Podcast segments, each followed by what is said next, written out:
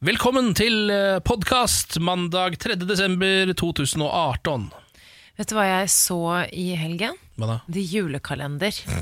Du hus husk, alle husker The julekalender. Så du på det? Jeg elska det julekalender så hardt. det? Det var høytidsstund hver eneste dag da når det gikk på. Gjennom den første jula og den andre, og kanskje til og med den tredje jula.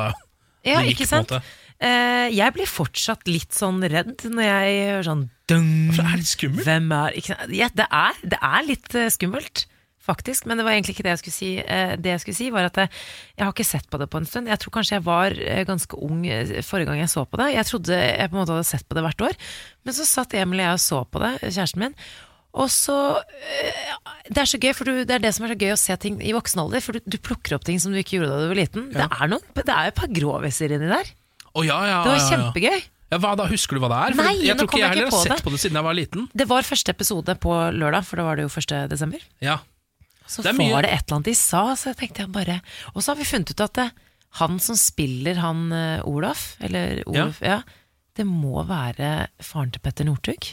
Ja, han ligner veldig Ja, men på de er helt like. Han ligner veldig på Petter Northug, men jeg tror jeg vet hvem han fyren er. Jeg tror han heter Ivar Gafseth. Ja, ja, det, han heter jo det. Ja, ja. Han er veldig lik, men han er, han er jo en sånn Han er jo trønder, han også.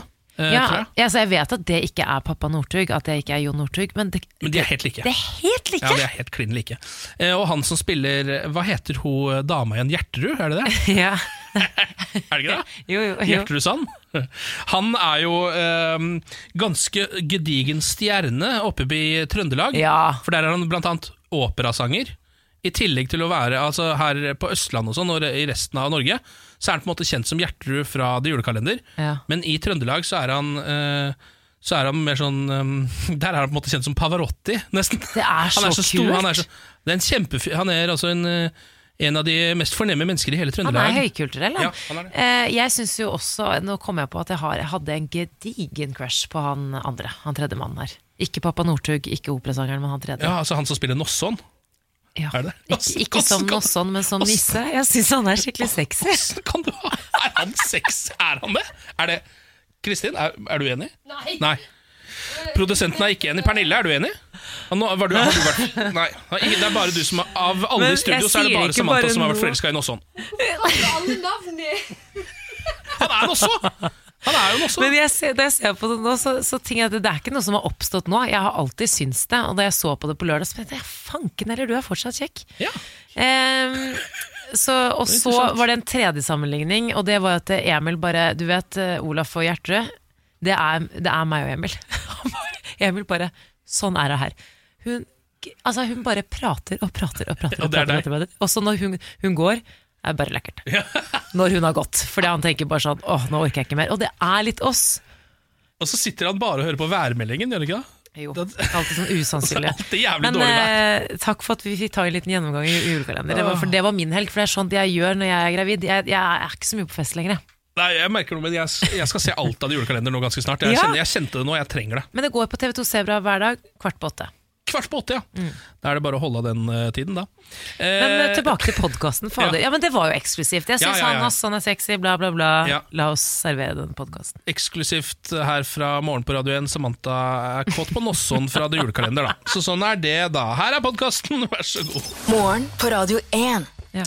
Men det er eh, 3. desember i dag, eh, Ken. Ja, Eh, Det vil si at vi er gått inn i adventstiden. Mm. Første advent. Eh, Feiret du på noen som helst måte?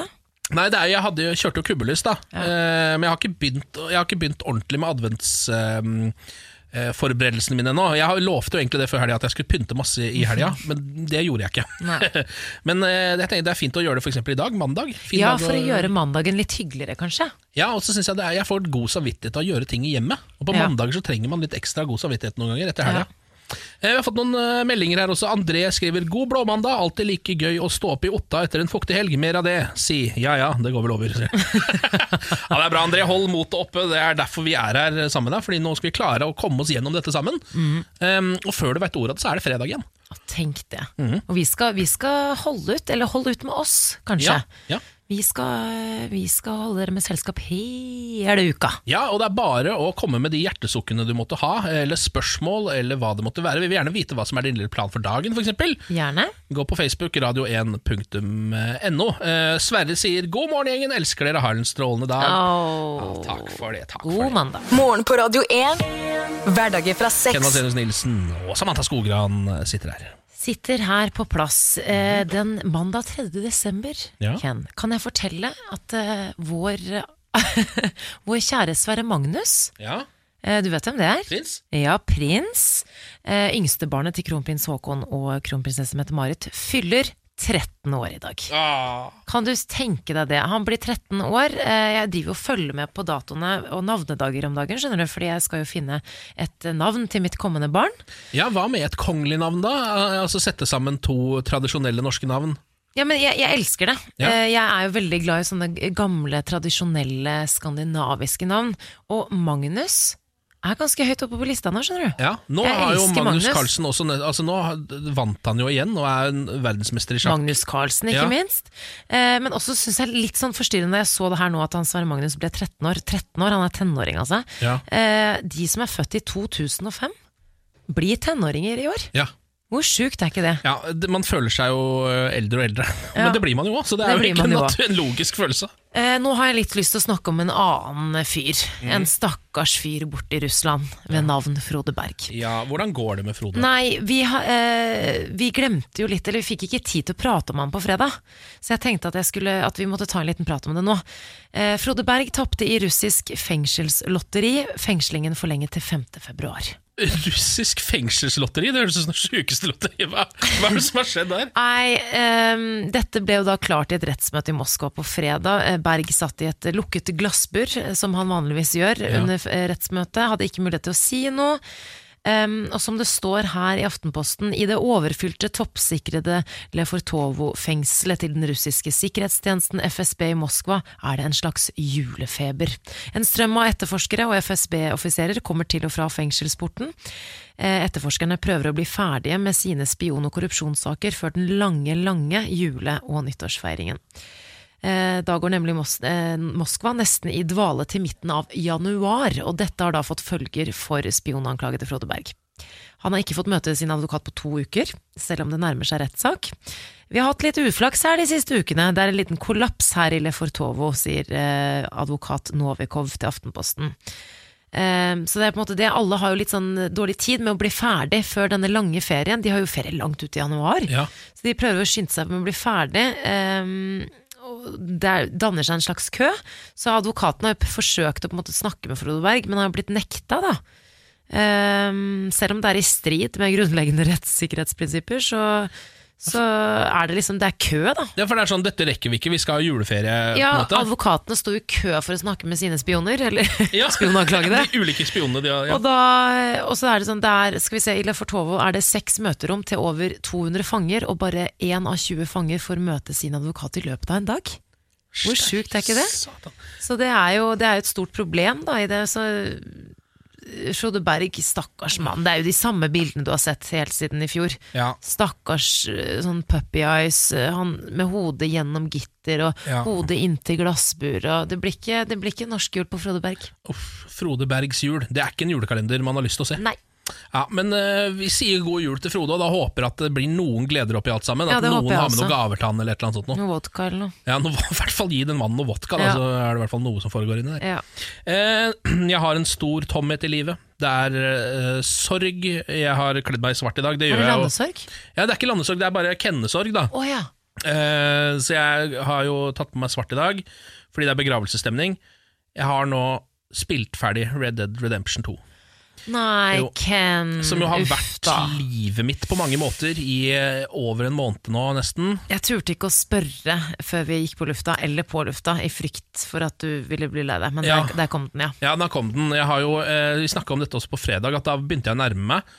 Eh, og turte egentlig ikke å slå på PlayStation min Fordi i frykt for at jeg skulle bli ferdig med spillet, fordi det er så bra at det er så vemodig. ja. Men nå måtte jeg bare gjøre det. Jeg reiv av det plasteret. Uh, Runda hele det spillet. Um, det, er, det er smertelig.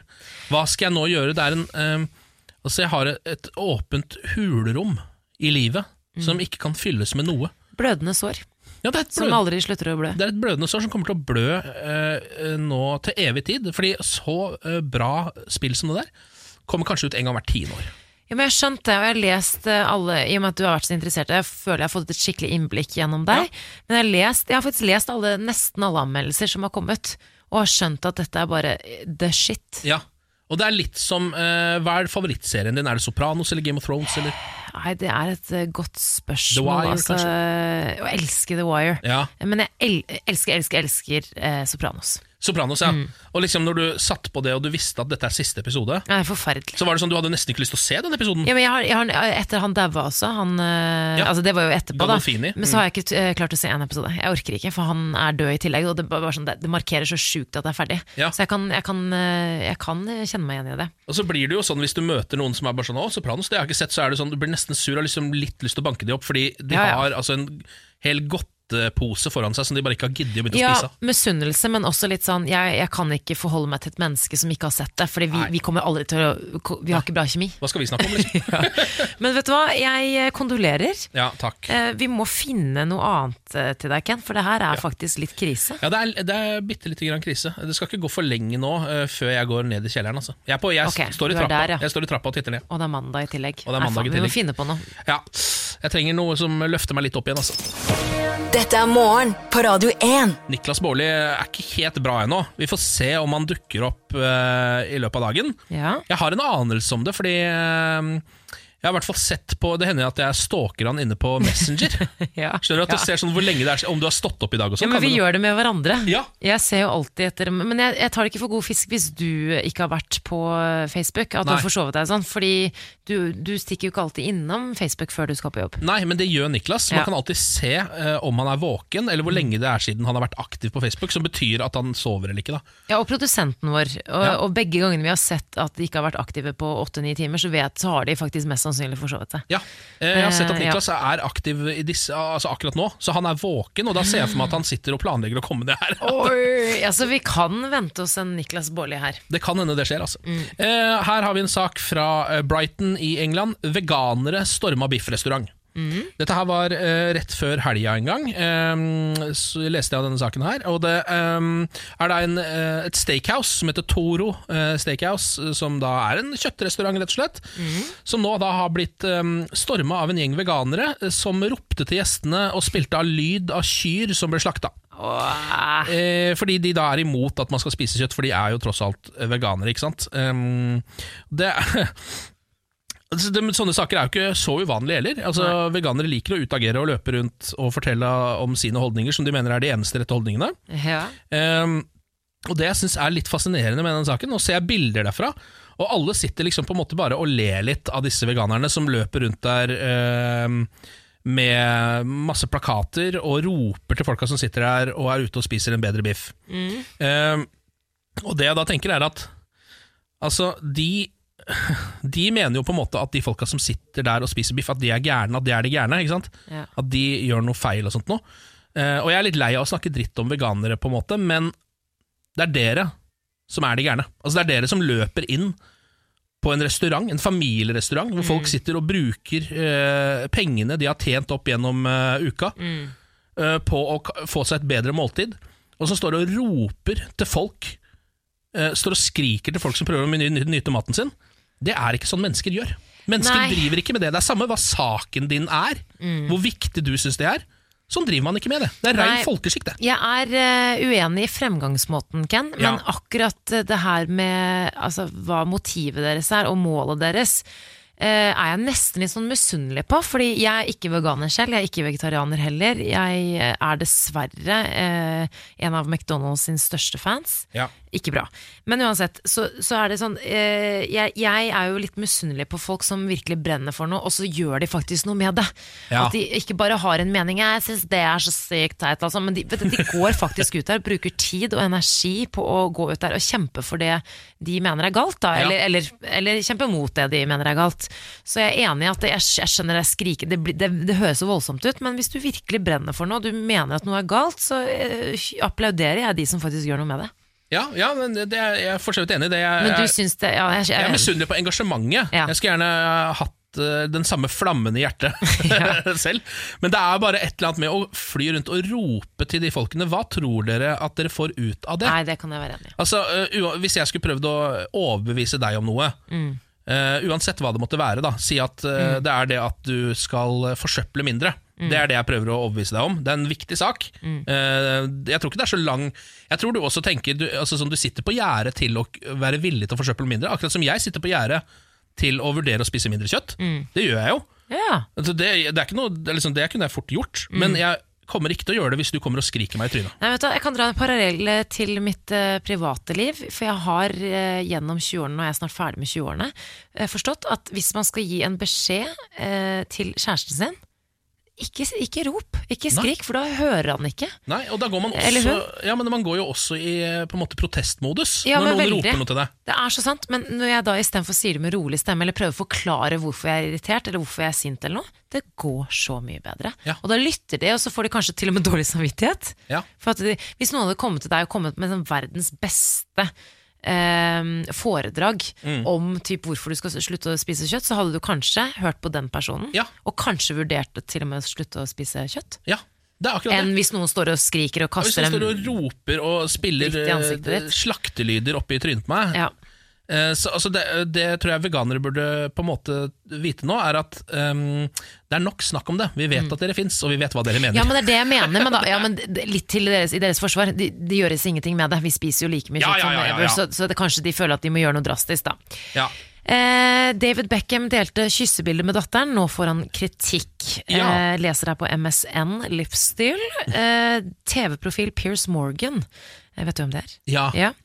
Eh, det er jo han tidligere, han, der, han som har vært på dommer for eh, masse sånne britiske musikkonkurranser og Ja. på CNN og bla, bla, bla.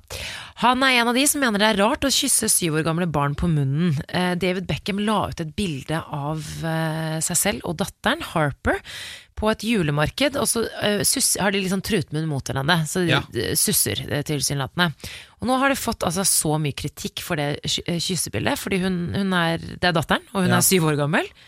Eh, og det er sånn jeg, jeg skjønner ikke det. Er det Nei, hva hva syns du om kyssing på munn? Nei, altså, jeg har sett det bildet der. Jeg føler at kyssing på munn har jo eh, en del ulike nivåer. Vi må jo på en måte eh, tolke, hvis du skjønner. Fordi det bildet der er jo sånn, det er veldig sånn tullete eh, trutmunn fra Ja. begge to.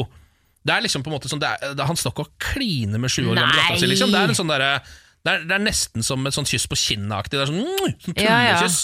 Og jeg, jeg, kan ikke, jeg kan ikke forstå hva som skal være provoserende med det i det hele tatt. Da, jeg man, da begynner man å dra ting altfor langt, altså. Sånn- Mener de da at er det fordi han- er det et overgrep? Ja, er det det de mener? Og det er det som er litt sånn seriøst, liksom, folkens. David Beckham driver ikke og forgriper seg på dattera si. Og så står det sånn når en far kysser et barn på leppene sine, så blir det helt feil. Hun er datteren din, hvorfor kysser du henne på leppene? Det er slik du kysser kona di. Håper ikke det er sånn han kysser kona si, for det så veldig tamt ut i så fall. Ja. Men Piers Morgan skriver 'It is a bit weird'. Så Ja. Det er ikke det, Piers Morgan! Nei, jeg syns ikke det. Jeg, jeg bare blir litt sånn irritert. Jeg blir faktisk litt irritert. Det er helt greit å kysse Jeg syns det er helt greit å kysse barna sine på, på munnen, selv om det er far og datter. Selvfølgelig Du skal ikke stå og kline, men da, det, er, det er noe helt Ja, annet. det er noe helt annet. Ja. Det er, jeg synes bare den, den anklagen er liksom sånn Hva Ja. er det man prøver å implisere ved å teit. si at det er noe feil, galt med det i det hele tatt? Vi elsker det bildet. Ja, vi gjør det. Ja. Og vi elsker David Beckham. Ja, selvfølgelig. Dette er morgen på Radio 1. Ken Senus Nilsen og Samantha Skogran, som er på plass i studio eminente duo. Ja da. For en duo vi er, Ken. Skal vi snakke litt sport, eller? Ja. Du, jeg tenkte jeg skulle starte med litt eh, noe Det har jo skjedd enormt mye Ja. eh, i helgen. Um, Håndballjentene er jo i gang. De, har jo vært, eh, de er blant de store favorittene til å vinne EM i Frankrike, men de gikk på en smell i åpningskampen mot Tyskland, Ja. eh, som vant eh, 33-32 mot Norge. Um, de skal jo spille ny kamp i kveld. Eh, det har vært mye snakk om sykdom i forkant og liksom dårlig stemning før eh, kampen. Men eh, de er jo i gang, og de er jo håndballjentene våre, så vi, vi tror det går veien. ja, det er litt skader og sånn også, er det ikke det? Jo, det er litt skader. Eh, og så nå, Toppsaken på VG handler om Ada Hegerberg. Eh, Så du den overskriften, Ken? Det er jo snakk om at For i kveld så kan hun faktisk vinne gullballen i Paris. For første gang så skal altså eh, denne prisen deles ut til kvinner. Og da er Hegerberg en av kandidatene. Men nå viser det seg at en, du vet, en Football Leaks Ja. eh, denne avsløringen om uh, veldig mye snusk Mm. i fotballverden, så viser det seg at hun ble utelatt, at det ble skapt litt sånn kaos da hun ble utelatt fra å vinne årets uh, spiller Ja. i, av Fifa eh, i 2016. Fordi de egentlig ikke hadde fått med seg hvem det var. Nettopp. Og hun Ja. var jo da kåret til Europas beste spiller. Mm. Så her, apropos snusk. Eh, Det er kanskje ikke en av de mest alvorlige sakene, men eh, det er veldig Nei, men rart. på en måte også så er det litt Ja. Eller det er litt rart at ikke de eh, Fordi da visste de rett og slett ikke hvem Ada Hegerberg egentlig helt var. Virka det som hun var jo en av de aller beste spillerne i verden. Da. Og så er det noe med det om å ta kvinnefotballen seriøst også, Ja, kanskje. det. Ja. Ellers så knuste Arsenal Tottenham i Derby om Nord-London 4-2. Skjønte at det var en ganske heftig kamp. Ja, jeg koste meg med den kampen. Det var, det var lite fyrvekkende, det, altså. Ja, det var det. Ja. United, Eh, not so much. not so much. Nei. United spilte 2-2 eh, mot Southampton. Ja, jeg, s- jeg så På at det var lørdag. en liten, snu, eh, liten snuoperasjon der. Ja, de fikk, fikk seg et par mål, altså. Fikk eh, ja, redda inn en uavgjort. Ja, ikke sant. Nei, eh, men jeg vil fortsette å snakke litt om fotball. Det er mye vintersport om dagen, og det skal vi selvfølgelig ta for oss eh, utenom, men vi snakker, dyrke litt eh, fotball. Eh, Rosenborg er jo da cupmestere for tolvte gang etter å ha slått eh, Strømsgodset 4-1 i går. Det er tiende gang Rosenborg vinner the double. De ble altså seriemestere også, til tross for en litt sånn turbulent sesong. Og det var jo Niklas Bentner da, som sto eh, for to av de eh, fire målene som Rosenborg eh, skåret i går. Vi kan jo høre litt eh, lyd. Bendro. Bentner i midten. Adek Bendro her. Treffer Glesnes. Meling står høyt etter. Det er høyrefoten. Og så stikker den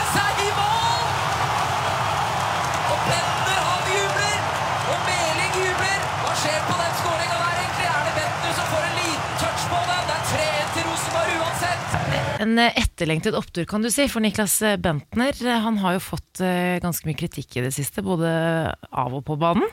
Han ble nylig idømt en fengselsstraff på 60 eller 50 dager etter eh, vold mot en taxisjåfør i Kjøben. Ja. Etter en eh, fyllatur.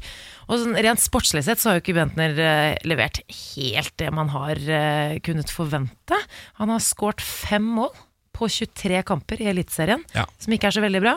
Og før eh, helgen så leste jeg en eh, artikkel, dette var jo da etter de røk ut av Europaligaen eh, nå rett før helgen, Rosenborg altså, eh, at det er et problem å ha han i garderoben. For før Celtic-kampen så gikk da Rosenborg-keeper André Hansen ut med et sterkt ønske om at Rosenborgs nye trener, de skal jo få ny trener, må unngå å eh, forskjellsbehandle spillere. Og Steffen Iversen eh, han er ute og uttaler seg, og han er ikke i tvil om hvem han sikter til. Eh, han Ja. mener jo da at Niklas Bentner forskjellsbehandler, at han har hørt mye murring fra folk, og også da blant spillerne, at uh, når han da ikke presterer sånn som han gjør, så kan han ikke få frie tøyler. Ja. Uh, sånn som nå, da, så har jo han Bentner uh, søkt om å få gjennomført denne soningen, da. Den, altså til denne voldssaken. Med fotlenke hjemme i leiligheten i København. Eh, og Rosenborg ønsker jo selvfølgelig at soningen skal gå så fort som mulig, for de vil jo ha han tilbake igjen. Men eh, nå er det skjær i sjøen. For etter det TV 2 erfarer, så har eh, Bentner planlagt en lang juleferie sammen med modellkjæresten og hennes familie. Og det vil bety at Bentner ikke kan starte soningen før rett etter hjemkomst etter juleferien. Oh, ja. Og nå er det sånn, nå, er det, nå, er det, nå tror jeg det er litt dårlig stemning. Altså for, nå, for nå må han på en måte prioritere det som eh? Alle andre hadde kanskje fått Eller det er det de sikter til, da, at alle andre hadde kanskje fått streng beskjed om at de må sone, de må gjøre Ja. det som er best for laget. Mens Bentner har fått lov til å liksom Ja. ja, gjøre litt som han vil, for han er eh, Danish da. ja, han er jo fortsatt superstjerna på det laget, selv om Ja. han ikke presterer helt. da Eh, Men, men det, jeg tror det er litt vanskelig å ha med Bentner å gjøre, for det, det laget trenger jo Bentner, selv om han ikke presterer Ja, ja. på det nivået som han burde gjøre. Oh, ja, ja. Og jeg tror Hvis de sier til han Men Niklas, eh, hvis du må la, dra litt mindre på fylla, og så må du ikke sone så mye dommer i Danmark i juleferien din, og sånn så tror jeg han sier Vet du hva, fuck it, da gidder jeg ikke å spille. Og så sitter de der uten eh, en dansk stjernespiss. Fordi Bentner har tjent nok penger, og han er liksom på, på såpass nedadgående kurve i karrieren sin Ja, han at jeg tror ikke det er noe stress for han å bare sånn Ja, men det var det. Vi hopper av, vi driter i det, nå var karrieren min ferdig. Nei, men Niklas, til, da, da sier vi bare dra til Maldivene. ja, Ta deg juleferie. Ta deg litt av juleferie, du. Vet du hva, Vi skal jo i gang med eh, julekalenderen vår, Samantha, som vi skal holde på med ut eh, desember, selvfølgelig. Det er så Eh, gøy. Og det er første gang vi gjør det i dag. Vi har jo kommet til luke tre. Det har vi. 3. desember i dag. Så nå skal vi åpne luke tre. Og som dette her foregår, så er det sånn at eh, mm, du skal gjette hva Altså, vi skal lage en lyd. Det skal lages en lyd her nå. Fra en gjenstand. Du kan vinne den gjenstanden, men du må vite hva det er. Ja, nettopp. Så hva er det som lager lyd her? Eh, send det inn med kodeordet radio 1 til 2464, ved, og så legger du på navnet ditt også. Adresse kan du også bare få på, for hvis du vinner, så skal vi jo sende denne dingsen til deg uansett. Kan jeg gjette? Du kan også få lov å gjette, men det er litt kjedelig hvis du gjetter rett med en gang. For, men, for da vinner jeg ikke? Eh, Altså, det kanskje blir litt rart, Fordi du kan jo også noen ganger så se dingsen. Uh, Jeg, jeg ser hva det er her. Ja, ikke sant? Det er det, jeg, det, er, det det jeg sikter til. Så kanskje vi skal okay, da, okay, Kanskje rett og ok. slett bare si at du ikke har lov å være med. Det er greit. det er greit Vi åpner luke tre. Hva er dette? Radio 1 til 2464.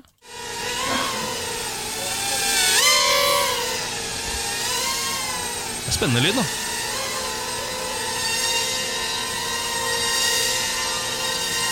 Men hva er det lyden av? Du kan vinne denne dingsen hvis du vet hva det er. Radio 1 til 2464 kommer til å ringe deg opp også etter hvert, eh, og ta det liksom på lufta. Se om du klarer å gjette hva det der var. Radio 1s julekalender er i gang. Morgen på Radio 1. Morgen, god morgen. Vi har fått besøk, Samantha. Ja, det har vi. Mm, Fredrik Sjåstadnes, vår faste konspiratør. Han er innom som vanlig på mandager. God morgen, Fredrik. God morgen.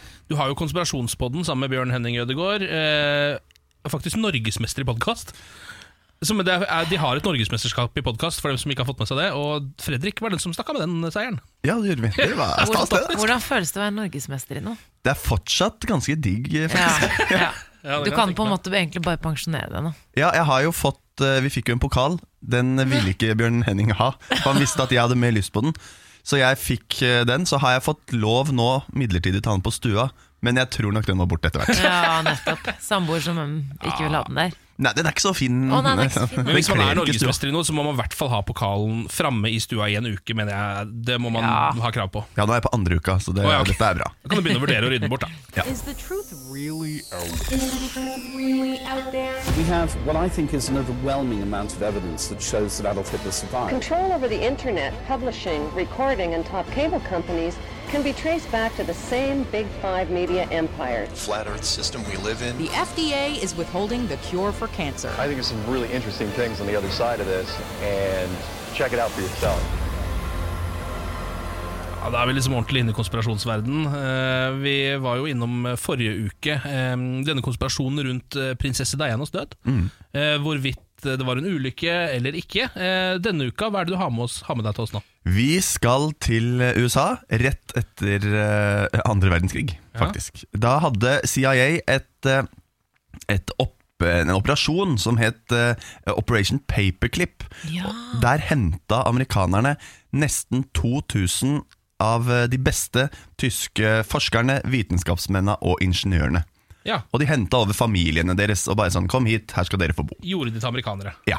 Grunnen til det er at uh, de ville hindre selvfølgelig først og fremst at Sovjetunionen fikk tak i de, Ja. men, og det her er direkte knytta til romkappløpet. Så det var, de brukte de forskerne her til å komme først til månen. Så det ble på en måte ikke bare et romkappløp, det ble også et kappløp om å få tak i de beste tyske forskerne og vitenskapsmennene også. Ja, Og måten de finner ut hvem disse her er, er det er som tatt ut av en litt dårlig film. For da britiske styrker de går inn i, i Bonn universitet, så ser de en tysker De, de brenner masse dokumenter, sånn som de gjør i, i Max Manus-filmen. Og så ser de en tysker inne på badet som står og trøkker papirdokumenter ned i do og skal skylle de ned. Og er, så ser de at det her er noe som heter Osenberg-lista. Og det er lista over alle de tyske forskerne og vitenskapsmennene som jobba for Det tredje riket. ah, na nazistforskere. Skikkelig naziforskere. Og jeg, skal, jeg skal nå nevne fire stykker, fire av de mest kjente, eh, som ble henta over til USA, og hva de har gjort for amerikanerne i ettertid. Den mest kjente det er Werner von Braun. Han er kjent som det amerikanske romprogrammets far. Oi. Han var medlem og major i SS og registrert medlem av nazipartiet. Han blei også seinere direktør ved NASA Marshall Space Center. Ja. Så har du Kurt Debus. Han var også medlem i SS og nazipartiet. Han var den første direktøren ved Kennedy Space Center. Og så har du mannen med eh, det Harry Potter-klingende navnet Hubertus Strøghold. Så han er faktisk mannen som utvikla romdrakten slik vi kjenner den i dag. Og han var med og utførte tester på mennesker i konsentrasjonsleiren Dachau.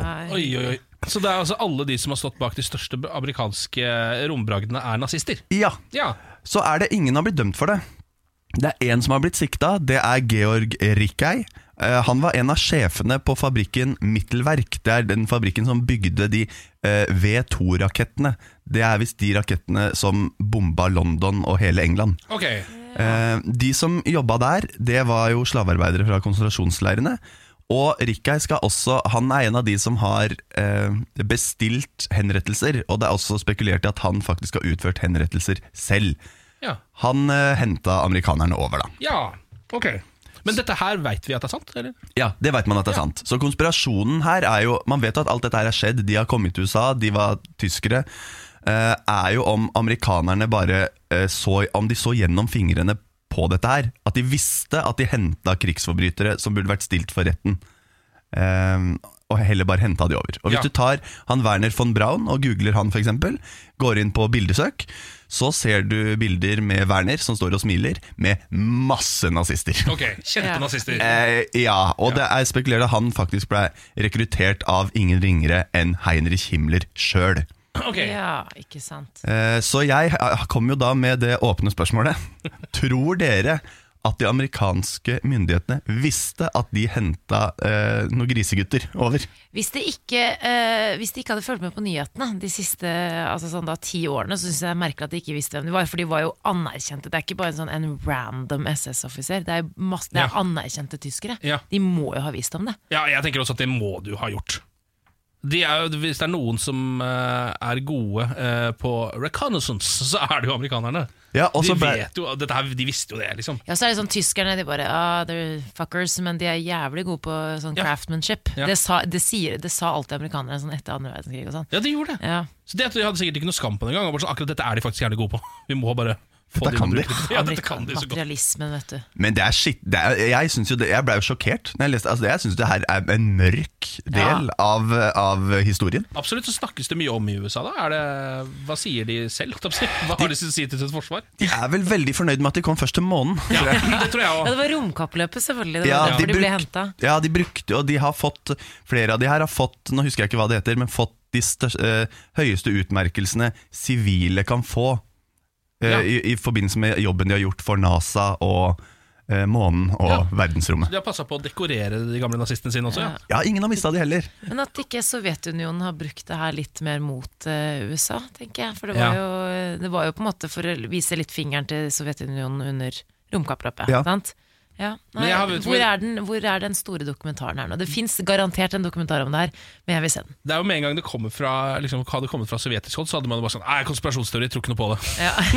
Ja, for det hadde aldri det, Ting lekker ikke i, so, i Sovjetunionen. Nei, De bare tar livet av folk det. Eh, Fredrik, tusen takk for at du kom innom. Du er jo innom neste mandag også med en ny konspirasjonsteori. Yes, Så får du ha en eh, glimrende start på uka. dere òg. Morgen på Radio 1. Hverdager fra seks. Og vi Radio 1s julekalender presenteres av Idun Minerals. skal altså i gang med vår julekalender. Det er veldig koselig, da. Det er så koselig! Ja, det er skikkelig ålreit, altså. Vi eh, er veldig for liksom, julestemning av det. Ja. Eh, vi har fått med oss på telefon Line Victoria. Hallo, Line. Hei, Åssen går det med deg? det går bra. Har du begynt å få julestemning ennå? Ja, nei, vi pusser opp, så det er ikke noe jul hjemme ennå. Nei. Nei, det er det minst uh, julete man kan gjøre, kanskje, er jo å pusse opp. Ja, det har jeg funnet ut også. Ja. Uh, er det liksom, hva, hva er det du pusser opp? Er det et, uh, pusser du opp et sted du har kjøpt sammen med din gode mann, eller? Ja, vi har kjøpt oss hus, så vi pusser opp mer eller mindre hele huset. Det er litt viktig at dere Fordi veldig mange par går jo fra hverandre under oppussinga.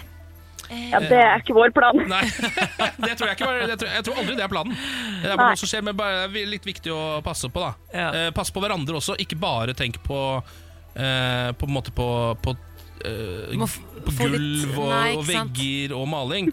Tenk litt på hverandre Nei. og følelsene deres også. Ken er, Ken er litt eh, pessimist, men han er egentlig bare veldig omsorgsfull også, så det er egentlig bare et lite tips. Ja, det er mer et tips, altså. Eh, hvor er det du er fra, Line?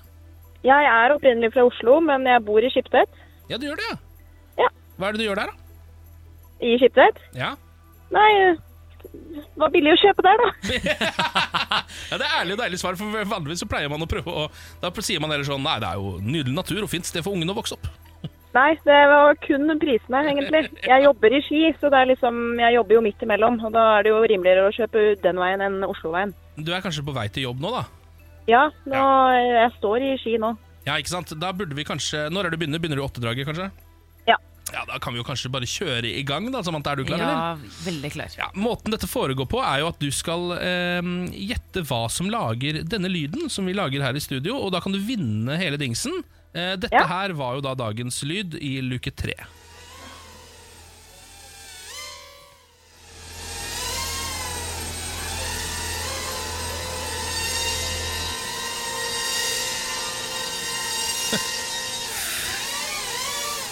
Litt merkelig lyd, men eh, Line, hva tror du det var som gjemte seg bak luke tre? Jeg er ganske sikker på at det er en drone. Du er ganske sikker på at det er en drone, sier du? Ja. Det er helt Gratulerer! Du, du er herved eh, den stolte eier av din egen drone. Ja, så ålreit. Det, er, har du god kjennskap, til droner? Jeg, eh, tror ikke jeg kjenner, hadde kjent igjen den lyden selv. Jeg jobber i lekebutikk, så jeg har hørt et par droner før. Ja vel, ja. Men Da kan det være ålreit å få seg sin egen drone, da, så kan du spionere på naboene dine i skiftetområdet. Kan være litt ålreit. Ja, men det, er, eh, det passer egentlig veldig fint, det. Ja. Da sender vi drona, da sender vi drona av gårde til Skiptvet, så får du ha en eh, glimrende dag på jobb. Tusen takk, og takk i like måte. Ha det bra! Ha det bra. Morgen på Radio 1. Hverdager fra 6. Klokka er blitt 14 minutter på åtte. God mandag morgen. Du er i slag, altså. Ja, jeg ta den lyden en gang til? Au! Det som har skjedd, er at jeg har sovet for mye i natt. faktisk Jeg gikk og la meg i går klokka sju. Ja. Det er så rart, overgitt. egentlig. For Vanligvis pleier du å sitte oppe og se på sport Ja. eller spille. Ja, ikke sant. Mhm. Dataspill og sånn, men eh, Red Dead Redemption Vi snakket jo om det. Det er jo det, det over, jo mot, det var over, er jo ja. over, så da har jeg ikke noe, jeg har ikke noe mer liv. Så Derfor så kan jeg like godt legge meg og sove, da. Er dette Ken eh, uten Ja. et liv? Ja, dette er post Red Dead Redemption, Ken Vasenus Nilsen. Ok. Vi må snakke litt om de voldsomme opptøyene uh, i Paris. Det har jo foregått i noen uker nå. Eh, ikke det stille egentlig, men vi har ikke snakket så mye om det her eh, hittil. For tredje uke på rad så protesterer da store folkemengder eh, i Frankrike. Mange av de da iført gule vester mot økte bensinpriser og skatter. To personer har omkommet, og flere hundre er eh, skadd. Også flere titalls politi er skadd i løpet av de siste ukene. Og bevegelsen heter jo Gule vester fordi Ja. Det er et vedtak da som regjeringen har eh, satt i gang der, eh, om å øke denne dieselavgiften med 70 øre, tror jeg det er per liter. Eh, og bensinavgiften går også opp 40 øre, altså 4 eurosent. Da. Så allerede i dag koster jo bensin i Paris over 16 kroner. Eh, og si, de sier jo da også at eh, altså Samferdselsministeren sier at avgiften skal øke ytterligere i årene fremover i tillegg. Ja. Så det er faktisk det de protesterer mot. Men det har vært, altså, jeg så noen bilder på fredag, og jeg tror ikke jeg har skjønt hvor ille det har vært eh, før jeg så de bildene i nyhetene. Det, er, det, ser ut som det er, det er en krigssone. Ja. Paris kan jo opptøyer, holdt jeg på å si. De kan Eh, opptøyer. Det ser alltid sjukere ut der enn det gjør andre steder. Revolusjon. De, Ja. Historisk sett er de gode på, ja. på å protestere. Champs-Élysées i Paris eh, var jo stengt for biltrafikk pga. de heftige demonstrasjonene. Det var så mange bilbranner og branner i bygninger, og mennesker som blir slept rundt og er skadet. og eh, Sammenstøt mellom politi og de gule vestene eller demonstrantene. Det er så brutalt. Ehm, og jeg fikk jo, det har jo vært eh, demonstrasjoner over hele Frankrike, det har jo ikke bare vært i Paris. Eh, det var noen som sa at det var 36 000 personer som demonstrerte nå på lørdag rundt omkring i landet. Om lag 5000 i Paris. Men er det, men er det økte eh, liksom, eh, veiavgifter og Ja, sånn ja, på alt- bensin- ja, ja, det er over det hele det- landet, liksom? Ja. Ja, ja det, er jo, det er jo generelt også, men det har vært mest fokus på Paris. Da. Men franske myndigheter mener at det var sånn 106 000 personer som har demonstrert rundt omkring i landet. Så det går ikke an å helt å holde kontroll på. Men uh, uansett så eh, har jo dette på en måte utviklet seg til et slags sånn grasrotoppgjør mot eh, president eh, Macron. Han fordømmer jo selvfølgelig de voldelige demonstrasjonene, mener det få, sier det vil få alvorlige konsekvenser. Men jeg tror man blir litt nervøs når det blir sånn eh, eh, Når det blir sånn Ja, ja. stemning. Ja, ja, ja. For det har jo vært det, det er- Jeg tror det er de mest voldelige på ti år, eller noe. Det er såpass. Mm.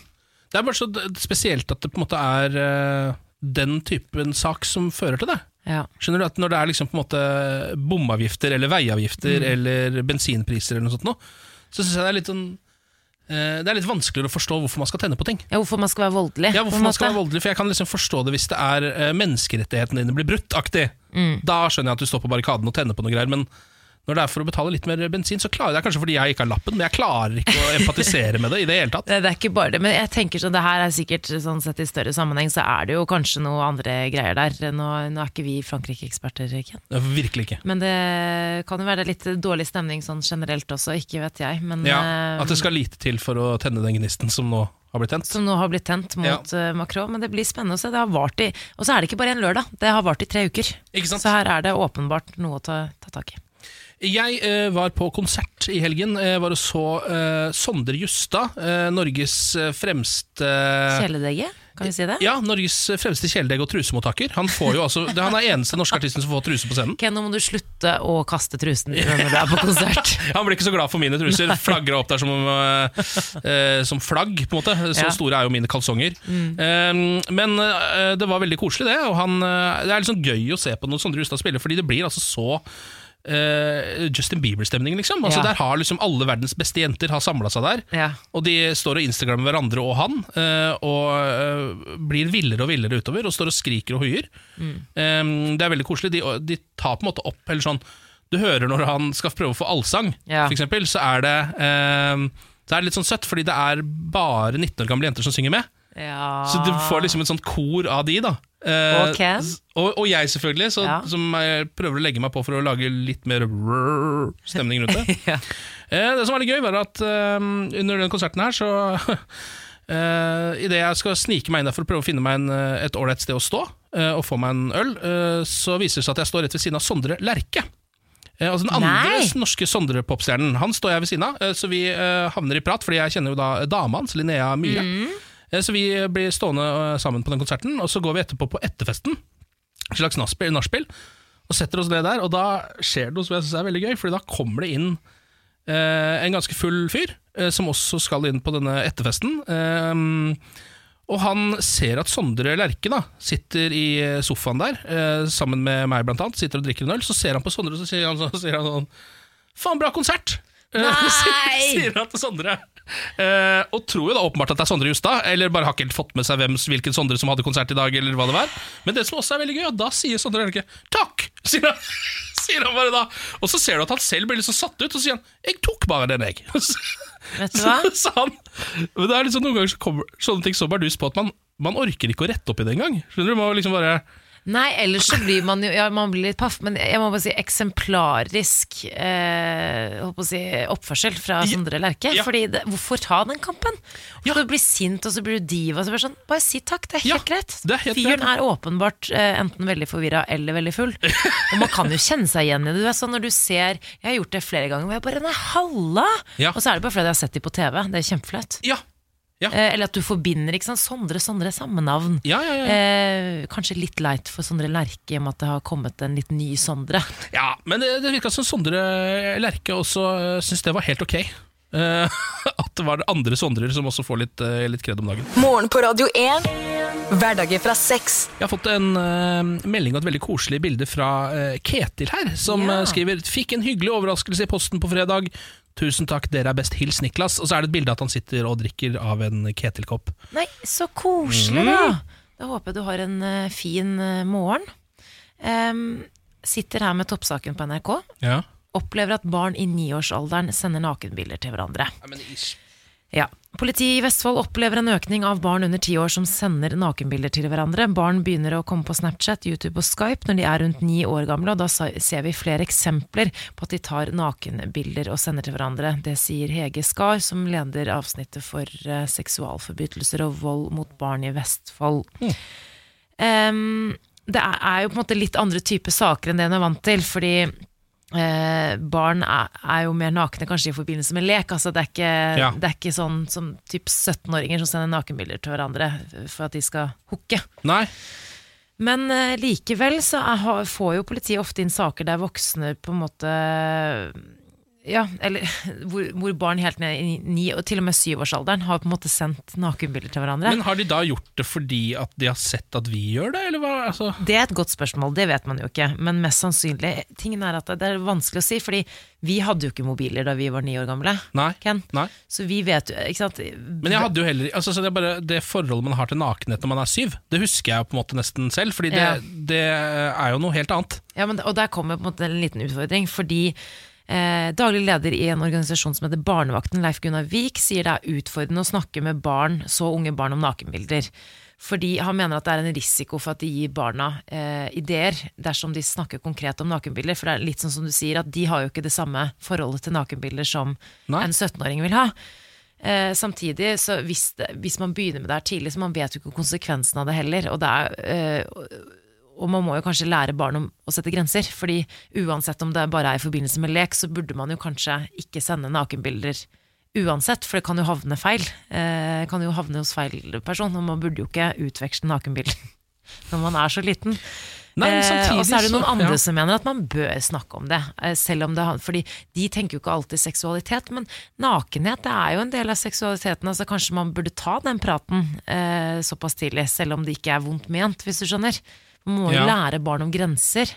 Jeg vet ikke, jeg syns kanskje vi lærer barn for mye om grenser. Jeg, jeg synes De Ja. får liksom ikke lov å være barn. tenker jeg eller sånn, Ja. eh, Dette her er egentlig bare total Eller sånn Hvis en, eh, en niåring og en syvåring har sittet og sendt hverandre nakenbilder, Mm. fins ikke noe som er mer uskyldig enn det. Altså Det, det går ikke an å Men hva skjer når puberteten kommer, da? Og så har de sendt nakenbilder i to år allerede. Og så har de Skjønner du? Ja. Det er det som er problemet. For det er sånn, jeg ser for meg sånn hvis jeg Nå skal jeg få en liten sønn. Ja. Hvis jeg blir innkalt til foreldremøte og sier sånn du, du må be sønnen din om å slutte å sende penisbilder til alle jentene i klassen. For han tenker bare det er gøy. ikke sant? Altså Han er litt kanskje umoden i hodet. Ja. Det, det, jeg syns jo ikke det er noe gøy. Da føler jeg at jeg må ta en prat med han og si du, du må slutte å sende bilder av tissen din til de andre jentene i klassen. Ja. Så jeg, jeg, Men da liksom lager sånn du skam åpen- rundt noe som han ikke har noe skam rundt. da Nei, men da vil man, man må jo på en måte passe på at, å si liksom sånn Du, eh, det er ingenting i veien med kroppen din, og det å være naken er helt naturlig, men uh, man må kanskje ikke liksom, Du trenger ikke å sende bilder av Altså, det er bare ikke send bilder av tissen din. Det er, sånn, Ja, det det, det, er ikke noe skam. Du er fin som du er. Ja, Det burde være en ganske klar beskjed, det. Ikke send dickpics. Eh, men så er det jo et, ja, men, du, men du skjønner hva jeg mener, for det er liksom et eller annet med at uh, hos et barn så er det jo ikke det der er jo ikke en del av virkelighetsoppfattelsen til det barnet i det hele tatt. på en måte Nei. Men er det greit at de altså, ni, niåringer sender nakenbilder til hverandre? Jeg syns, jo ikke niåringer burde ha telefon, men jeg er jo helt altså, Skjønner du, Jeg er så gammeldags i dette her at det liksom er sånn ja, det. Derfor så ble jeg også litt naiv. Ja. Fordi jeg tenker sånn ditt, Hvis dette er et problem nå, så er det noe, det er noe vi har lagd. Det er, Det er jo dette det. barnet har Det fins ikke ehm, noe ondt eller noe seksuelt ved dette barnet. Nei. Det er du som putter, liksom, speiler din seksualitet i den ungen. Ja. Fordi den ungen er naken, så tenker du det er galt. Ja. Og så, skjønner du, Det er, liksom, det er jævlig sånn komplisert, da, men det er liksom Dette er det vi som har Det, skapt. det er dessverre Men da blir det mobilforbud i, i heimen vår, i hvert fall, frem til ungen er 17. Jeg trenger i hvert fall ikke ha cameraphone. da altså, Det kan være greit å kunne ringe ungen sin, kanskje, eller at den kan ringe til deg og si nå ble det noe greier her, så jeg kommer meg ikke hjem før en time seinere. Men liksom sånn, En Nokia-telefon. trenger du ha Instagram og camerafon på telefonen til en niåring? En sjuåring? Jeg tror ikke man kommer unna det. Fader eller Åh, ja, ja. jeg blir så Det går til- Ja. Det, det, det går ikke bra med denne verden. Ja, det gjør ikke Nå det. kan bare gå videre. det gjør ikke det. Og eh, litt av grunnen er jo eh, denne saken fra Drammens Tidende. For nå har jeg valgt ut eh, Drammens Tidende som denne ukas Ja, så gøy, da. eh, som er faktisk altså Norges nest eldste nålevende avis. Hvor gammel er den? Den er fra 1832. Oi, Drammens yes. Tidende. Det er bare Adresseavisen som er eldre, eh, av de som fortsatt fins. Og her er en sak som sikkert ikke hjelper det seksualiserte bildet vi nettopp har snakket om. Som, eh, som Apropos. Rutetabellen var bytta ut med porno. Ikke sant. Eh, Det er bare en snau måned siden Bragernes torg åpna i ny drakt, med et oppgradert kollektivknutepunkt i sentrum. En av oppgraderingene var Brakars, det tipper jeg er busselskapet. Eh, Ja. Brakars nye digitale skjermer, som i utgangspunktet skal vise rutetider. Onsdag kveld viste de imidlertid noe helt annet. Istedenfor rutetabeller var skjermene nemlig prydet med en pornofilm fra nettstedet xnxx.com. Ingvild Inndal var en av dem som ble møtt av det litt utradisjonelle skuet midt på Bragernes torg. Jeg tenkte først hva i alle dager, sier Ingvild. Så tenkte jeg at årets julepynt var litt billig, for de spilte tross alt Have Yourself a Merry Little Christmas på høyttaleren. Jeg fikk meg en god latter, sier hun. Ifølge Brakar har noen tukla med maskinen som sitter bak skjermene og satt på pornoen. Vi er fullt klar over hendelsen, noen har tydeligvis gått inn på nettet og lagt inn noe de syntes var morsomt, sier da eh, salgssjefen Kjersti Danielsen Norgård. Ifølge Danielsen Norgård har dette aldri skjedd før. Det er første gang vi har tatt i bruk slike skjermer, dette var en erfaring for oss, sier hun. Ehm, og så sier de jo at de har nå vært på saken og sørga for at det ikke er mulig å putte porno på rutetabellskjermene lenger. Eh, og de har ingen formening om hvem som har fikla med innholdet, og de driter også i det, sier de, fordi nå går det ikke an å gjøre det lenger. Er, det er jo fint at de har gjort noe med det, men jeg, når, når sånne ting skjer Ja. Når det havner, det kommer noen porno Samme som på den der eh, Jeg vet ikke om det var Ruter, det var ikke Ruter, men det var NSB et eller annet sånt, Hvor det kom sånne pornolenker ut på Twitter Ja, stemmer, stemmer det. Er det, Sitter folk og gjør det bevisst, eller er det sånn Oi, jeg kjeder meg litt på vakt Jeg ser litt på porno eh, for min egen, eh, For min egen del, ja. fornøyelse Ja. Og så det, dukker det opp altså, Er det en liten faen i folk, eller er det sånn at man gjør det ved en feiltagelse? Jeg syns det er litt vanskelig å si noen ganger. Hva hadde du gjort? jeg, eh, jeg tror eh, Hvis dette hadde vært meg, så hadde, håper jeg at jeg hadde gjort det med vilje. Fordi ehm, jeg har ennå til gode å titte på porno på jobb. Ja. For man mister, jobb, mister man jobben? Nå gidder de ikke å finne ut hvem det er engang, så så farlig kan det ikke være. Da. Nei, Jeg tror faktisk ikke man mister jobben. Men ikke sett på porno her, da, Ken. Nei, jeg skal, ikke, jeg skal prøve å holde meg for god til det. Morgen på Radio 1. Du hører på Morgen på Radio 1 med Ken og Samantha i dag. Og nå har Lars Berrum også kommet inn. Han er vår quizmaster. God morgen, Lars. God morgen, god morgen, god morgen. Jeg er veldig quizkåt i dag. Oi, oi, Ja, oi. så jeg er klar for å stille spørsmål. Ja, da ser jeg at det holder på å sprekke der borte, så jeg tror vi bare kjører i gang. Ja. Lars Berrums morgenkviss. Selvfølgelig er det tre spørsmål, og alt skal besvares. Det er en temakviss i dag òg, men jeg må ha et quizlang-navn. Skal jeg, har jeg, du ser på meg, se. ja, jeg har ett bare. Skal jeg komme med det? Kjør. Uh, Los Conquistadores! Du sa liksom hvert ord uten selvtillit, Ja. men med, men med volum. Ja. Los uh, Jeg, jeg, blir usikker underveis, men jeg tenkte hvis jeg bare sier det høyt nok, så kommer folk til å tro at det er Men det er er sånn du er til daglig, Ken. Det er bare Ja. sånn du er. Ja. Men du er jæskla god på den lesbe-s-en. Ja, takk for det. Den, Spanske den spanske stemte god. raresten, ja. ja. Ja, ja, ja, men Ken har vært nede, nedover før han. Ja. Eh, Temaet i dag er TV-programmer. Ah, Ja, gode her, eh. Aktuelt som bare det, og vi går i gang, gjør vi ikke det? Ja. ja Da går vi på spørsmål uh, nummer én. Hva heter de to programlederne i Skal vi danse? Å nei, dette har Nei. du sett. Du har sett på dette, har du ikke det? Nei, jeg har ikke sett på det. Uh, fanken, men det er i hvert fall uh, Katrine Moholt. Ja.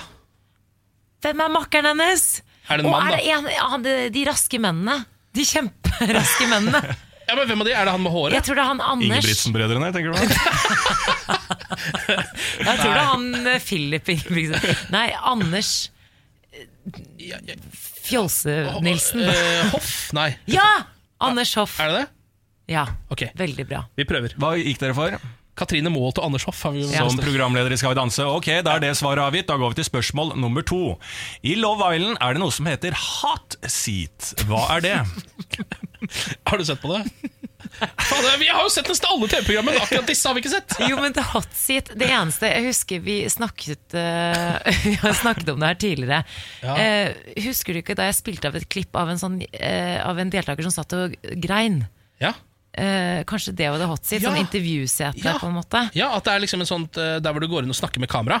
Ja, ellers er det typ sånn når noen blir stemt ut, og sånn at du sitter in the hot seat. At du da kan velge hvilken hva tror du da? Er det intervjusetting, eller er det om du skal få lov til å bli på i villaen eller ikke? Jeg føler intervjusetting kan være riktig. Ok, greit. Da sier vi vi prøve det. Intervjusetting? Ja. Det var et eh, diffus svar, men eh, ja, men det en snak, snakke med kamera. hot seat i Eh, Love Island er diffus Ellers, Nei, det er sikkert sånn Ja, ta- ta som regel, da. Ja, regel at du Det er da du må bli stemt ut eller inn, da, på en måte. Da er du en Ja. hot seat. stemt ut eller inn. Ok, ja, ja. Da går vi til eh, spørsmål nummer tre. Hvilket TV-program legger nå ned etter 19 års fartstid? Brum. Brom? Nei. Brum, Brom, sa du, ja. Oh, ja. Eh, Ja, hva er det, er det, det er enten TV2 hjelper deg eller FBI, har nei, jeg det er Forbrukerinspektørene, ja. Det er Ja. FBI, tror jeg. Ja. Forbrukerinspektørene på eh, NRK. Ja. Ok, da går vi og får alle svarene, vi. Spørsmål nummer én var da Hva heter de to programlederne i Skal vi danse? Anders Fjolse-Nilsen. Katrine Moholt og Anders Fjolse-Nilsen. Også kalt eh, etter hvert da Anders Hoff. Ja, etter hvert som ble kalt Helt riktig. Dette er bra, Det det. satt langt inne. Men det var gøy. Dere greide det. ja, Veldig takk, bra. takk. Så var spørsmål nummer to. I Love Island er det noe som heter hot seat. Hva er det? Her var det diffust, altså, men dere endte med noe sånn der utstemning. Ja. Men det er da en stol som i, i Love Island. Det bør ses, for den er med sånn flammer. Oi, og det er en hotseat? Ja, det er flammer, flamme altså, eh, sånn som du skulle hatt flammer på eh, rattet ditt i bilen, liksom. Ja. Sånn, og så, kan du, så må du sitte der, og så skal deltakerne få stille spørsmål anonymt til hverandre. Ah. Og også vi seere kan stille spørsmål, så det er en slags grilling, da. Ja. Ah, okay, Ja, ja. Pandoras eske-stil. Skjønner. Mm. Ja. Så det var feil. Ja. Spørsmål nummer tre. Hvilket TV-program legger nå ned til 19 års fartstid? Her svarte dere Forbrukerinspektørene. Dette programmet på NRK der eh, siste programleder bl.a. var Christian Strand. Ja. Også kjent fra Hotell Cæsar. Under- Og fra 60-meteren, som han løper veldig fort. Ja, det er sant. Det er helt riktig. Ja, det er det, ja, det er bra. To av tre. Det er veldig bra, det. Så verst det. Ja, Hva ikke så var det vi het igjen? Vi heter Los året. Veldig bra, Ken. Ja, takk. takk. Ah, Ja, jeg syns dere skal gå ut med et smil. ja. Ja, det, det gjør vi uansett. Ja. Lars, eh, bon voyage. Det var veldig hyggelig at du kom innom i dag. Vi ses nok igjen, vi. Bon, bon. Morgen på Radio 1. Hverdager fra seks. Nå eh, har jeg funnet en sak på Dagbladet som handler om eh, den nigerianske presidenten. Ja. Overskriften er følgende. Avviser spinnville rykter om sitt mystiske fravær. Eh, Dette er da Nigerias president Muhammadu Buhari. Eh, Han eh, var borte i fjor. I et halvt års tid så var han bare forsvunnet. Det er veldig lenge. Det er ganske lenge. Han mente selv, og det, det han på en måte har gått ut og sagt, som er den offisielle forklaringen, er at han tilbrakte fem måneder i Storbritannia fordi han har en lidelse som han skulle behandle. Mm. Han har ikke villet si noe mer om hva slags lidelse det var, men det er det som var grunnen som han kom med. da. Den, den kjøper ikke eh, nigerianerne. Nei. Spesielt ikke opposisjonspolitikerne, eh, eller eh, egentlig ikke grasrota, eller kjøper helt den greia der. De eh, mener at det er to mulige grunner til at han var borte i fem måneder. Eller egentlig så mener de at det bare er én mulig grunn, det er at han er dau. Det er det de sier, da. Fyren er dau, sier de. Det er det de har trodd. det er det de mener. De mener fortsatt det. At han er dau. Men de mener at det er bare to uh, grunner til at uh, det fortsatt er en fyr som ligner på han, som står og snakker på TV. Ja. Det er enten A. At uh, det er en fyr som faktisk er ganske lik, som heter Jubril og er fra Sudan. Som nå har tatt, utgitt seg for å være presidenten. Hvem, hvem, hvem er det, da? Jubril fra Sudan. Det er bare en fyr som er Jubril det er, bare, okay. det er det de en fyr sier bare, som ligner. Ja, Jubril fra Sudan. Okay. Er bare, det, er, det sier de bare, det er bare Jubril fra Sudan, det som Ja. har et utseende som er litt likt. Uh, Eller så har de klona han. Og de, er- klar, de har fått til det, ja. ja vel. Det skal de liksom ha fått til på Ja, på de fem, fem månedene. Ja. Så det er eh, teorien eh, som nå altså, har spredt seg så hardt eh, i Nigeria, på sosiale medier og i avisene og alt mulig. Vi har ikke Eh, hørt fra presidenten, eller? Jo, presidenten har nå vært ute, og, uh, ute i en pressekonferanse og måtte avkrefte ryktene om at han er en klone. Uh, han sier det, jeg er ikke en klone. Eh, jeg skal feire min 76-årsdag om ikke så lenge, sier han. Jeg, ja, såpass, ja. ja jeg bli, jeg, kanskje jeg er gammel, men jeg er ikke død, jeg er ikke en klone, og jeg er i hvert fall ikke Jubril fra Sudan. Men hvordan skal man bevise at man ikke er en klone? Skjønner du? Helt umulig. Han har en veldig dårlig sak her. Fordi altså, det, eh, folk på eh, sosiale medier er ikke, fortsatt ikke overbevist. Altså, det holder ikke å gå ut og si 'jeg er ikke klone'. Det kunne Nei. en klone også sagt, Ja, som de sier. Eh, Så de er fortsatt ganske overbevist om at han enten er klone eller Jubril fra Sudan. Hva hvis det er noen fiender som på en måte har tatt over her? Kan, han, her kan det være så veldig mange motiv også. Ja. Eh, jeg syns det her er litt spennende. Ja. Hvorfor er det ikke flere som snakker om dette? Det er veldig spesielt. Det er bare Dagbladet som er opptatt av dette, og vi. Eh, flere burde vært mer opptatt av dette, men det er jo det som er gøy med det. At det viser seg da at liksom egentlig alle mulige claims man kan komme med da, som, eh, til en sittende politiker, på en måte, til den som er på den sittende makta hvis man er opposisjonspolitiker, så kan man si hva som helst, så lenge det ikke lar seg motbevise veldig lett. Mm. så vil det bare sitte fast. Altså Dette her sitter fast i veggen nå. Ja, og, men det, her- det her kan jo være en fin unnskyldning også å bruke. Sånn, Donald Trump kan jo også gå ut og bare si sånn Ja. men det der var ikke meg, det der var en klone. Ja, de Akkurat de uttalelsene der var jo Ja. kloningen min som sa. Ja. Uh, Jubril fra Sudan, han er som ligner litt på meg, var han som inne og sa det. Dave fra North Carolina. Ja, de tingene var det ikke jeg som sa. Akkurat nå er det jeg som snakker. Ja, nå er det ikke ikke sant? klonen. Eh, En sak som veldig mange har vært opptatt av, det er eh, denne Natt og dag-saken. Om Per Sandberg og Bahar Letnes. En bildeserie eh, med dette paret vekker reaksjoner i sosiale medier. Det startet altså i Natt og Dag. Jeg kan jo bare lese opp, for det, er en artikkel Mhm. i tillegg til en bildeserie. Per Sandberg og Bahar Letnes var 2018. Det startet med noen merkelige feriebilder i Iran, og det fortsatte med å skrive seg inn i historien som en av de råeste episodene som rammet norsk offentlighet dette året. Vi inviterte dem til et fotostudio og ga dem sjansen til å kommentere hysteriet. Her er deres oppgjør. Punktum. Ja. Eh, Først og fremst vil jeg bare si at jeg eh, setter pris på folk som vil kommentere hysteri eh, gjennom artisteri. Ja. Jeg, jeg liker folk som kan på en måte uttrykke seg gjennom foto. ja. Eh, vil hylle disse bildene, samtidig som eh, jeg eh, vil ikke slenge ut litt hets, men jeg, jeg, hva, hva skal vi si om bildene, Ken? Nei, altså Det er jo um, en liten genistrek av Natt og Dag, dette. De har jo da fått med Per og Bahare på en fotosession utenom det vanlige. Der de blant annet poserer som Altså Bahare poserer som Frihetsgudinnen. Ja. For eksempel. Eh, De dabber, altså sånn som Paul Pogba gjør etter at han har scoret, på noen av bildene der. Eh, Og i det hele tatt, liksom, det er nesten sånn på kanten til det er sånn Ok, nå skal du leke ape. Vær ape litt, og så skal jeg ta bilde av deg. Ja. Skjønner? De har lurt de så jævlig. De har lurt, og de har fått eh, mye kritikk for ett av bildene spesielt, da, for de brenner jo da eh, VG. Ja. Um, Det er veldig gøy. dette er jo deres måte å kommentere sikkert hvordan mediene har eh, omtalt deres sak. Ja.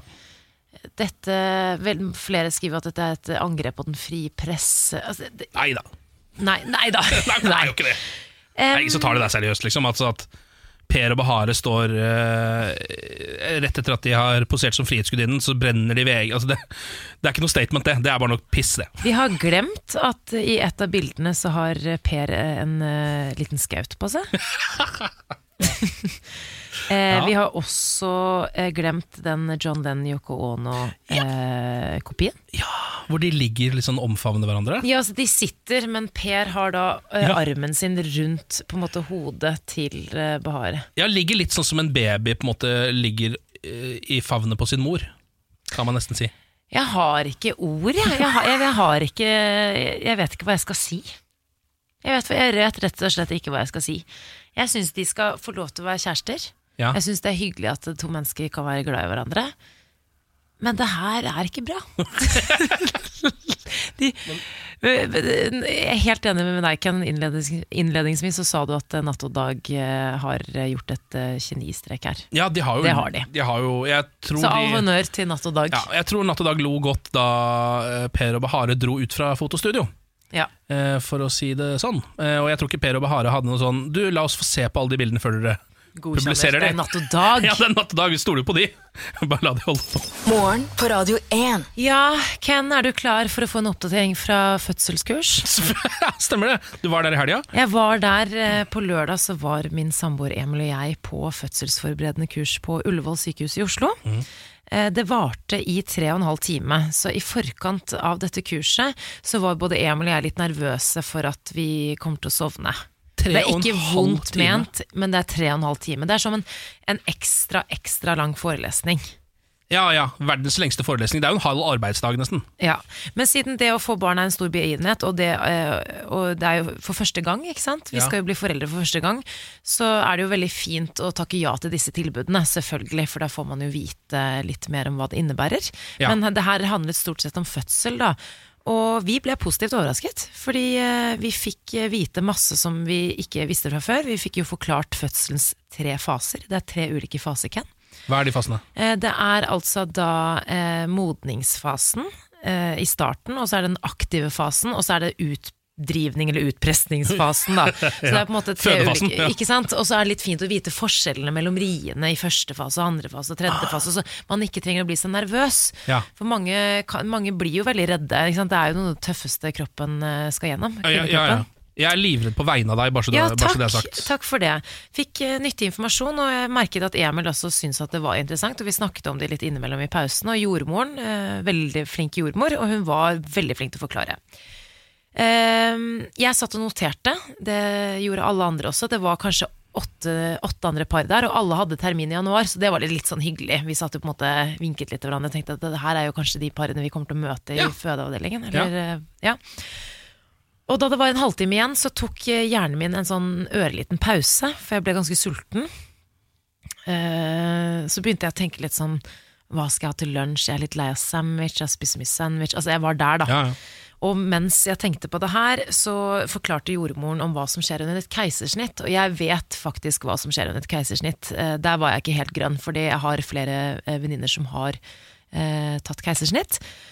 Men eh, så skjer det et eller annet. Altså jeg begynner å gjespe, og så tenker jeg sånn, ja ja, men jeg er jo sulten, så jeg begynner å gjespe og gjespe og gjespe. Så tenker jeg sånn, det her er litt sånn flaut, og jeg driver og gjesper hele tiden. Det, det er litt sånn frekt overfor hun jordmoren også.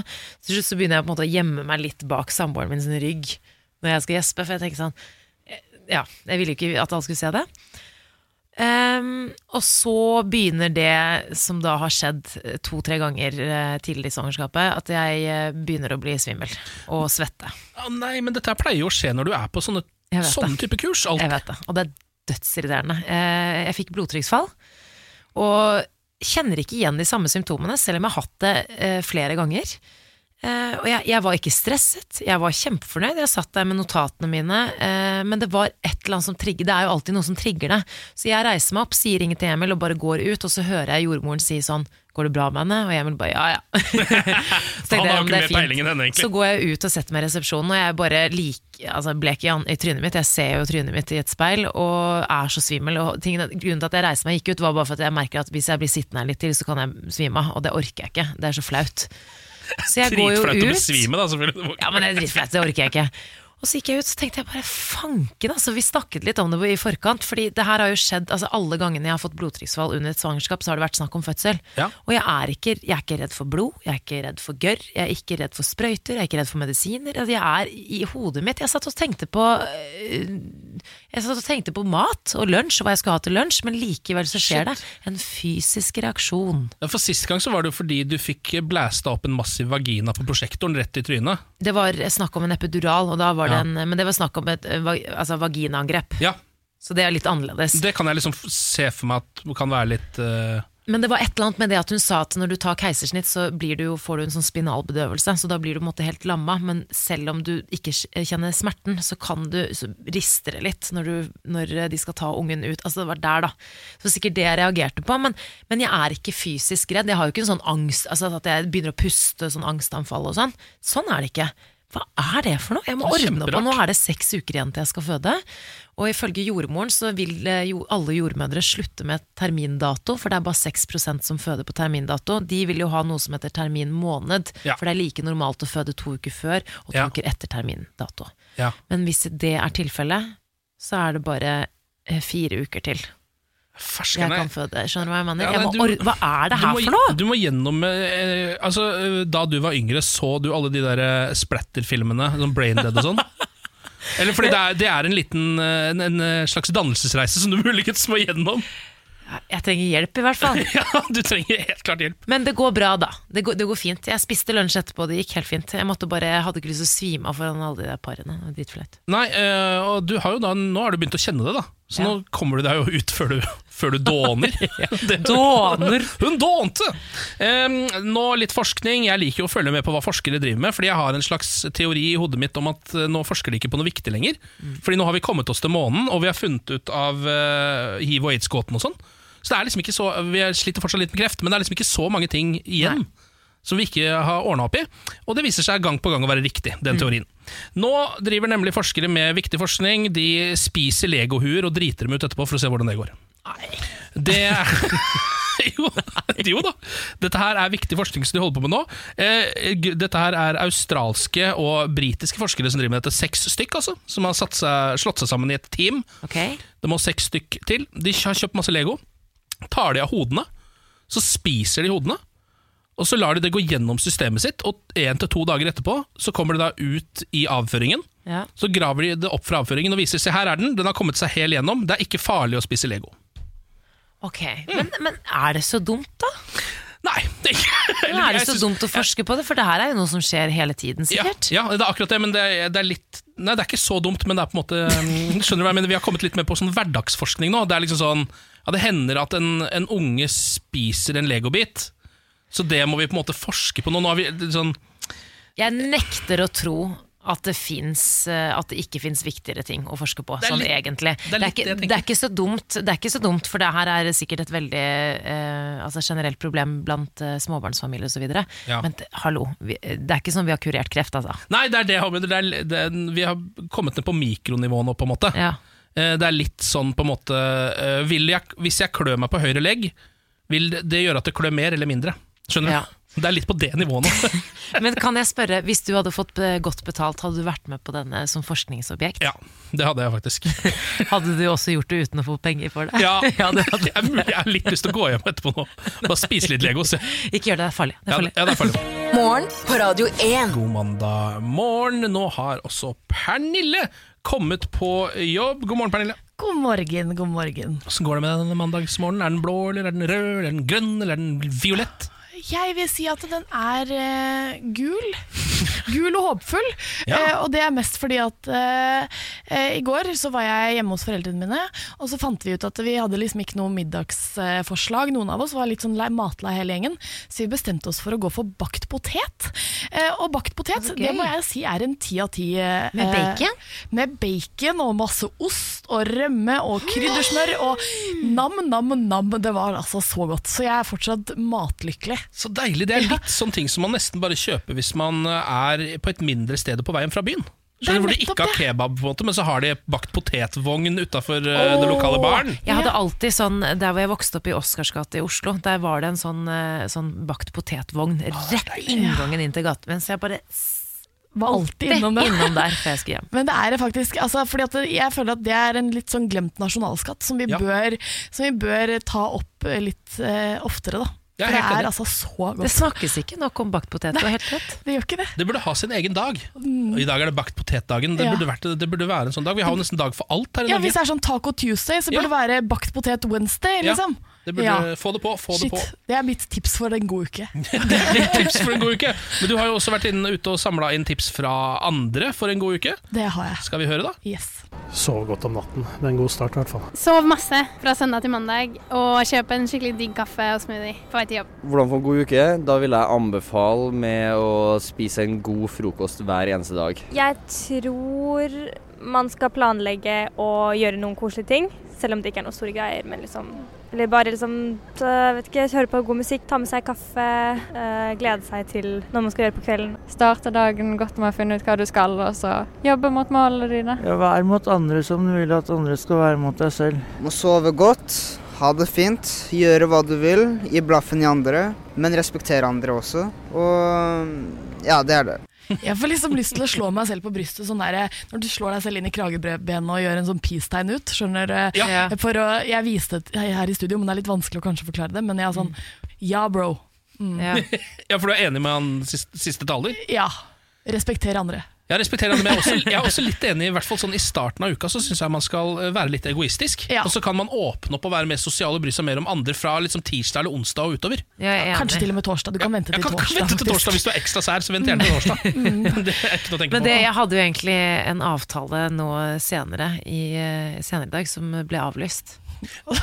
Og du bare, altså Babyen tok baklengs salto inn i magen for alle Ja, ble så ja, glad. men det er jo bare Nå kan jeg gjøre hva jeg vil. Ja, det er deilig, ass. Hva er det du vil da, Samantha? Jeg vil spise bakt potet. Ja, jeg med at det var noe sånt nå. Men eh, eh, da jeg kom på jobb i dag, Mm. så jeg kom akkurat mens dere drev og pratet om teit forskning. eh, Fordi Ken, du har lest om eh, noen forskere som driver og svelger Lego for å se om det er farlig. Ja. Ja, og den kommer ut igjen. Og den kommer ut igjen, for Ja. å se om, det liksom, om fordøyelsen takler Lego. Da. Mm. Eh, og det var litt gøy at dere snakket om det, fordi da jeg var hjemme i helgen, så hadde det kommet et brev, og jeg har jo diabetes type 1, for de som ikke visste det. Eh, og har sagt til legene på sykehuset at jeg godt, godt kan være med i sånne hva heter det, undersøkelser eller forskningsprosjekter hvis det trengs. For jeg vil jo at folk skal finne en kur, ikke sant? Men det Så de kan eksperimentere med din kropp for å finne den kuren? ja. Og det legene lurer på nå, eh, det er seksuell helse hos unge kvinner med diabetes. Så Ja, de har kommet dit, ja. ja. De har kommet dit, og da tenker jeg sånn, det er ganske mange andre eh, viktige ting rundt diabetes som jeg ønsker at de skulle forsket på. For eksempel, hvordan finne noe som kan gi deg insulin uten at du trenger å ta sprøyter. Men nei da, nå er det sexliv det skal til, og så gjennom eh, denne undersøkelsen. Og der er det spørsmål som Eh, unnskyld for såre ører på en mandagsmorgen. Eh, når følte du deg sist våt i skjeden ved seksuell opphilselse? Det er sånne ting de vil vite. der, ja. Det er der, det er Men er du komfortabel med å svare på sånne ting? Absolutt, for det er, jo, eh, det er jo på en måte hemmelig, eller de vet jo ikke at det er meg. Nei, Eh, da er det ikke så farlig. Så det er jo på en måte, jeg blir jo bare satt inn i et slags system da, for å se hvordan det er på ekte.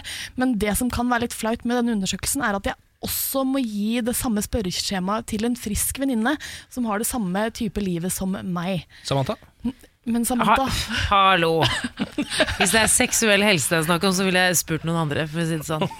Fordi tingen er at Du skal spørre da noen med ca. lik utdannelse, ca. lik eh, livssituasjon. Sånn, altså Samantha har jo på en måte alt- Det er jo ganske tydelig at Samantha på et eller annet tidspunkt i, i livet har hatt sex, for hun er gravid. Ja. Um, og litt sånn Du må på en måte spørre noen som har de samme forutsetningene som deg. Da. Så nå er jeg rett og slett på utkikk etter en venninne på rundt 25 eh, som ikke ligger så veldig ofte. Ja, men eh, Hvis Men man ikke din ligger så veldig ofte, så kan det, kan det i hvert fall være Neida. Men det jeg kan si er at eh, det gir deg også en gyllen mulighet for å på en måte analysere eget seksualliv. Og det kan også være gøy, men også litt ubehagelig. Ja. Sånn, når var det egentlig sist? Ikke sant? Ja. Det, det, men eh, hvorfor Ja, ikke? Hvorfor ikke? Men dette her fikk meg til å tenke på, fordi to forskninger på veldig kort tid Det er ikke så ofte man snakker om forskning, eller i hvert fall ikke mellom tre gode venner i studio. på en Nei. måte. Det er ikke så ofte vi snakker om det. Eh, Så jeg tenker at det kanskje hadde vært litt gøy å spørre folk på gata hva, sånne, hva, hva som bør forskes på da, av sånne obskure ting. Ja, hva bør vi forske på nå? Ja, fordi En ting jeg er interessert i nå, er jo sånn som svangerskap. Hvorfor, altså Det forskes sikkert på, altså, men hvorfor, eh, hvorfor er det så innmari stor forskjell blant kvinner? Og hva er det som bestemmer om du får et godt eller dårlig svangerskap? på en Mhm. måte? Fordi du kan være den største friskusen i hele verden. Du kan være Marit Bjørgen og bli daudsjuk når du er gravid. Ja. Eller så kan du være veldig usunn i utgangspunktet og ha et helt fantastisk svangerskap. Hva er det som bestemmer at man Det ville Ja, jeg spurt om. Ikke sant? Hva ville du spurt om? Eh, jeg eh, er litt opptatt av farger om dagen. Hvorfor framstår jeg som barnslig bare fordi jeg går i uh, turkis? Er det Oi! Jeg fikk Yes. yes. påpakning på det her om dagen på konsert, nemlig at det var sånn Hva faen er det du har på deg turkis genser? Det var litt sånn, akkurat som jeg er for, jeg er for gammel til å ikke gå i svart. Følte du deg litt som en sånn barnehageonkel da?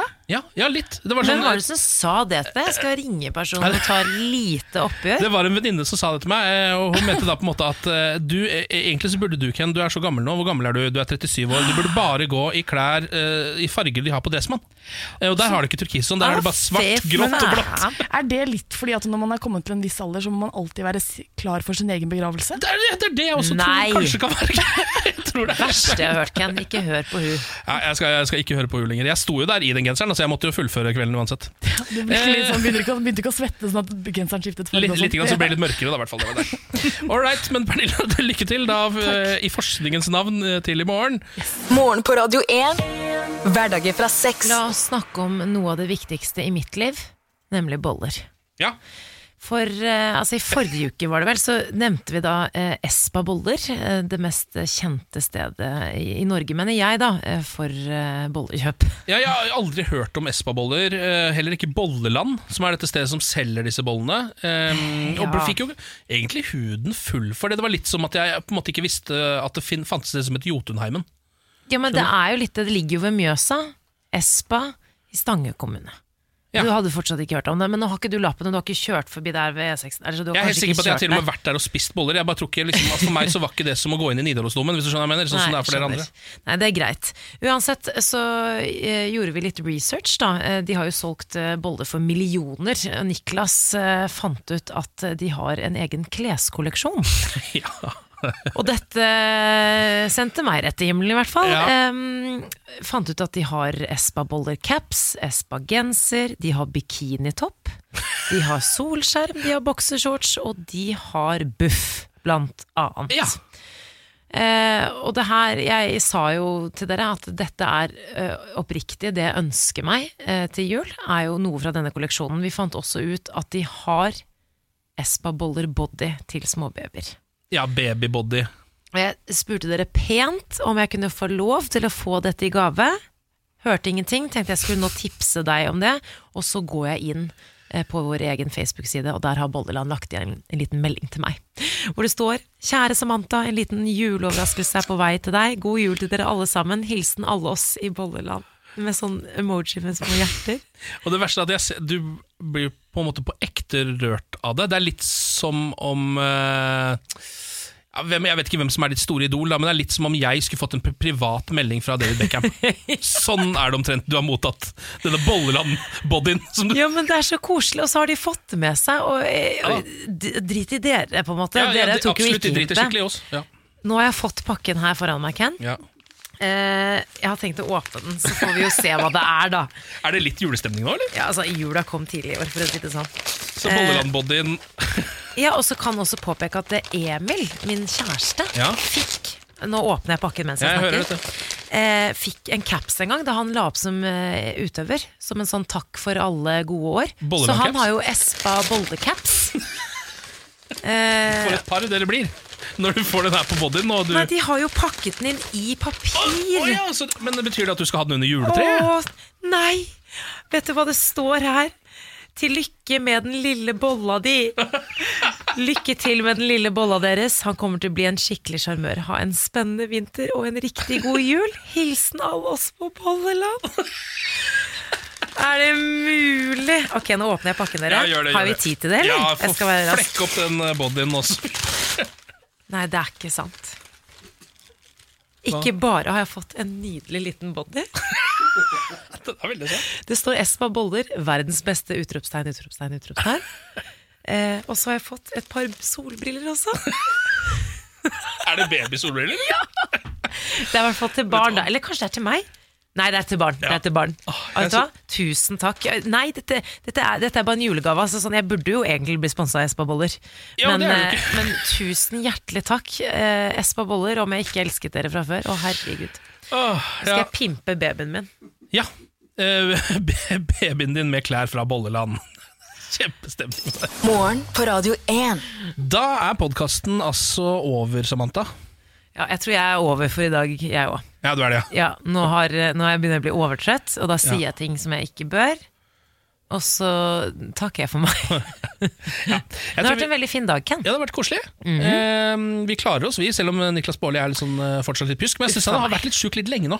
Ja, men eh, det er bare å komme seg til legen. Altså, han, han er ikke døende, som vi vet i hvert fall. Mm. Men eh, vi savner han jo, så vi, Ja. vi, vi må Og så er han litt sånn eh, Han er litt stolt og sta.